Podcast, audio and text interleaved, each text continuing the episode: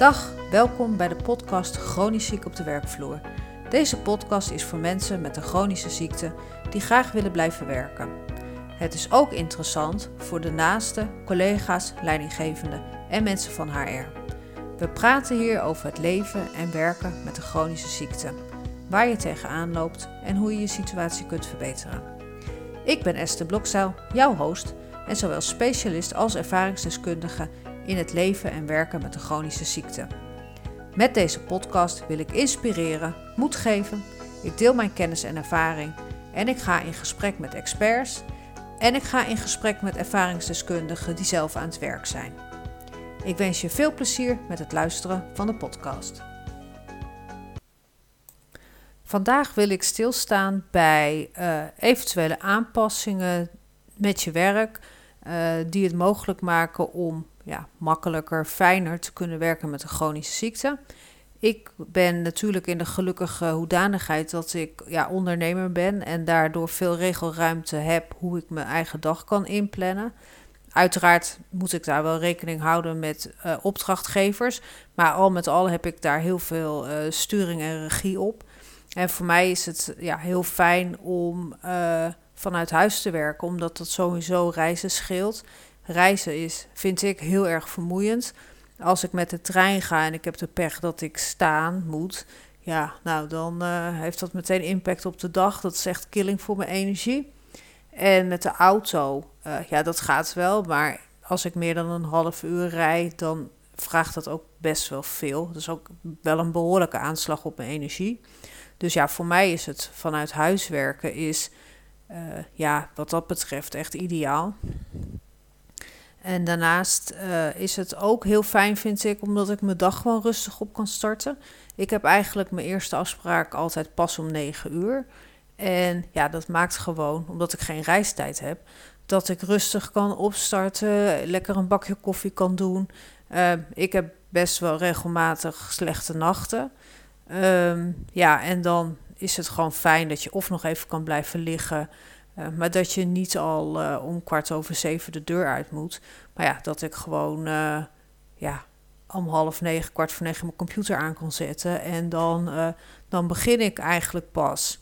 Dus dat is voor mij echt een ja, hele fijne manier om te werken. En het werken vanuit huis stelt mij ook in de gelegenheid om ja, te kunnen sporten en te kunnen bewegen. Sporten en bewegen is voor mij belangrijk om sterk te blijven, maar ook om mijn energie goed op peil te houden. Dus dat betekent eigenlijk dat ik elke dag wel iets wil doen. Dus ik, eigenlijk de meeste dagen uh, wandel ik. Of ik ga zeg maar met mijn fysiotherapeut aan de slag om conditietraining en krachttraining te doen. Allemaal onderdelen om ja, zo sterk en vitaal mogelijk te blijven. En het feit dat ik geen reistijd heb uh, en zo de deur uit kan wandelen om te wandelen, uh, maakt natuurlijk dat dat heel makkelijk te integreren is in mijn dag.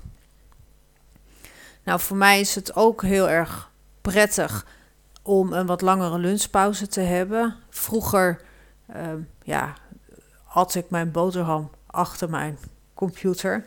Nou, dat doe ik echt niet meer. Dat is echt. Ik heb inmiddels geleerd door al mijn opleidingen dat dat echt geen toegevoegde waarde heeft. Eén, uh, je hebt helemaal niet in de gaten dat je eet. Dus dat is al niet goed. Twee, je, nou ja, je hormonen, je stresshormonen en alles zijn als het verkeerd wel veel te hoog. Dus nou ja, dan neem je ook de voedingsstoffen niet op. Dus ik heb mezelf ja, inmiddels aangeleerd om rustig de tijd te nemen om te lunchen. Dus ik heb ook vaak gewoon een uur lunchpauze. Want dan maak ik echt iets lekkers en gezonds. En dat ga ik rustig opeten. Ik lees daarna nog even in een boekje. Of ik doe een korte meditatie. Of ik ga even in de zon zitten. Of ik doe een lunchwandelingetje. Net hoe het uitkomt. Um, dus dat is voor mij ook een fijne manier om mijn, mijn werkdag zeg maar, in te richten. Nou, als je het dan hebt over mijn werkplek en mijn kantoor is het heel fijn dat ik een zit-sta-bureau heb. Dus ik kan zitten en staan afwisselen. Dus dat maakt dat je niet zo suf wordt, zeg maar, als je de hele dag zit. Ja, word je best wel suf, dus ik wissel dat een beetje af. Ik heb een heel groot extra scherm op mijn bureau. Nou, dat is heel fijn, want dan heb ik goed overzicht. Dan kan ik alles goed zien. Hoef ik niet zo vaak in mijn eigen, op, op de laptop, zeg maar, diverse schermen open te zetten. Dat kan ik mooi verspreiden. Dat geeft veel meer rust, dus dat is voor mij heel fijn. En ik heb een home trainer in mijn kantoor staan. Dus op het moment dat ik voel dat mijn energie een beetje inzakt, ga ik daar wel eens op zitten. En nou, waar het ook heel goed voor helpt, eh, ik heb het best wel snel koud. En dan fiets ik 10 minuutjes en dan ben ik weer lekker op temperatuur. Dus ja, uiteindelijk, uh, die home trainer wordt heel veel gebruikt. Uh, dat had ik eigenlijk niet zo gedacht toen ik hem daar neerzette. Maar dat blijkt in de praktijk echt wel een gouden greep te zijn. Uh, even denken, wat heb ik nog meer? Wat helpt voor mij nog meer? Um, ja, ik plan mijn dag niet bomvol afspraken. Dus ik probeer mijn werk goed af te wisselen, zodat als ik echt een slechte dag heb, dat ik wat ruimte heb om, ja, of gewoon uh, even iets anders te gaan doen, om even te gaan mediteren of om ja, even naar buiten te gaan. En soms als het een hele beroerde dag is, om even te gaan liggen. Dat uh, komt natuurlijk ook voor. Ja, en als ik kijk zeg maar naar aanpassingen in mijn werk, die heb ik gelukkig inhoudelijk niet hoeven te maken. Ik heb niet veel last van uh, concentratieproblemen of iets dergelijks. Dus ik kan, uh, ja, ik kan eigenlijk dat stuk van mijn werk gewoon goed uitvoeren. En ik kan, uh, ja, ik wil daar ook graag in uitgedaagd worden. Ik wil graag blijven leren en ontwikkelen. Want ik ja, heb een grote behoefte aan uh, kennis over van alles en nog wat. Dus ik vind het heel belangrijk om me te blijven ontwikkelen en mezelf uit te dagen en nou ja, te genieten van werk. Ik vind werk echt een toegevoegde waarde. En werk maakt voor mij ook dat, dat ik me, nou ja, zeg maar tussen aanhalingstekens normaal voel. Uh, werk kan mij echt ook door een dag heen slepen die niet zo goed is. Um, het contact met mensen vind ik daarin heel fijn. En uh, ja, werk geeft ook gewoon veel afleiding. Maar het geeft ook het gevoel dat je ertoe doet, dat je nuttig bent, dat je je talenten kan inzetten.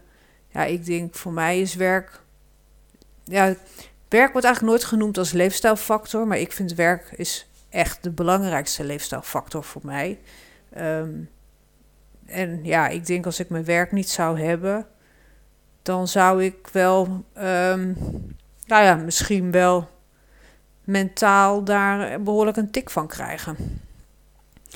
Um, ja, dus nou, dat is eigenlijk wat ik aan voornamelijkste aanpassingen heb. Dus die zitten heel erg op energiestuk.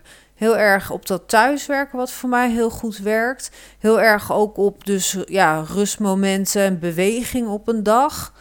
Um, als je dan het wat breder trekt en kijkt naar mensen met een chronische ziekte. Er zijn natuurlijk heel veel chronische ziektes. En de klachten die daarbij komen kijken kunnen natuurlijk heel divers zijn. Dus als je ja, als werkgever naar deze podcast luistert, dan is het goed om met je medewerker te kijken van goh, hè, is, is er sprake van fysieke klachten? Wat zijn die klachten? En wat kunnen we organiseren, faciliteren om uh, nou ja, dat zeg maar werkbaar te houden. En die medewerker te ondersteunen in het werk uh, goed uit kunnen voeren. Nou, er zijn natuurlijk ziektes waarbij je wel veel cognitieve mentale klachten hebt. Hè, mensen hebben geheugenproblemen misschien of informatieverwerking wat niet zo goed gaat. Uh, ja, eigenlijk valt energie trouwens ook onder cognitief volgens mij. Maar dat weet ik niet eens zeker. Uh, maar goed, energie, dat, hoe dat zich uit, is denk ik ook wel vrij verschillend per persoon. Um, dus dat is iets om ook goed over door te praten met een medewerker van, ja, wat betekent dat precies voor jou? En ja, hoe kunnen we je daarin ondersteunen? En ja, bij veel chronische ziektes loop je ook een verhoogd risico op depressiviteit. Ik denk dat dat ook iets is waar je heel goed over in gesprek moet blijven, zodat je uh, vroegtijdig daar zeg maar hulp bij kan zoeken. Uh, ik denk dat het fijn is als een werkgever je daar ook in ondersteunt en, en je adviseert om ja, proactief een afspraak te maken bij de bedrijfsarts bijvoorbeeld. Um, zodat je ja, snel zeg maar bij de goede zorgverleners uitkomt. En ja, uh, dat er wellicht ook iets mogelijk is in wachttijdbemiddeling of iets dergelijks. Nou, het kan natuurlijk ook zijn dat mensen ja, behoefte hebben aan dat hun arbeidsinhoud moet worden aangepast. Uh, het is belangrijk dat je niet uh, onderpresteert, hè, want dan kun je natuurlijk een bore-out krijgen. Maar het is ook belangrijk dat, je, dat er niet te veel van je gevraagd wordt. Uh, ja, dat geeft natuurlijk extra aanvullende stress. Nou, het is belangrijk om de werkdruk goed in de gaten te houden. Maar ook uh, ja, eigenlijk de verhouding op je werk. Hoe ga je als leidinggevende om met een medewerker die chronisch ziek is? Hoe gaan collega's met je om als je een chronische ziekte hebt? Kun je daar hulp en steun verwachten? Kan je daar je verhaal ook kwijt? Uh, kunnen ze je helpen met iets? Uh, ik denk dat het belangrijk is dat je in verbinding blijft met elkaar. Maar ook dat je de medewerker die een chronische ziekte heeft, vertrouwen geeft. Um, ik denk dat dat wel het allerbelangrijkste is. Dat hij zich veilig voelt. En het vertrouwen ook voelt, zeg maar. Um, nou ja, en dat je gewoon kijkt wat er nog meer mogelijk is. Hè, wat iemand nodig heeft. Het open gesprek daarin is belangrijk. Ja, dat is niet altijd makkelijk. Ook niet voor uh, een leidinggevende natuurlijk. Maar ook niet als je de chronische ziekte zelf hebt. Nou, heb jij nou gedachten over dit onderwerp? Um, of je hebt een mening of een vraag of um, een tip. Die hoor ik ook graag. Dan uh, ja, zie ik die graag tegemoet. Dit was het weer voor vandaag. Bedankt voor het luisteren naar de Chronisch Ziek op de Werkvloer podcast. Is er iemand die baat kan hebben bij de podcast? Stuur deze dan door.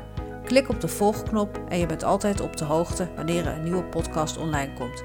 Geef de podcast een review op iTunes of Spotify. Heb jij een vraag, een onderwerp of iemand die je graag in de podcast zou willen horen?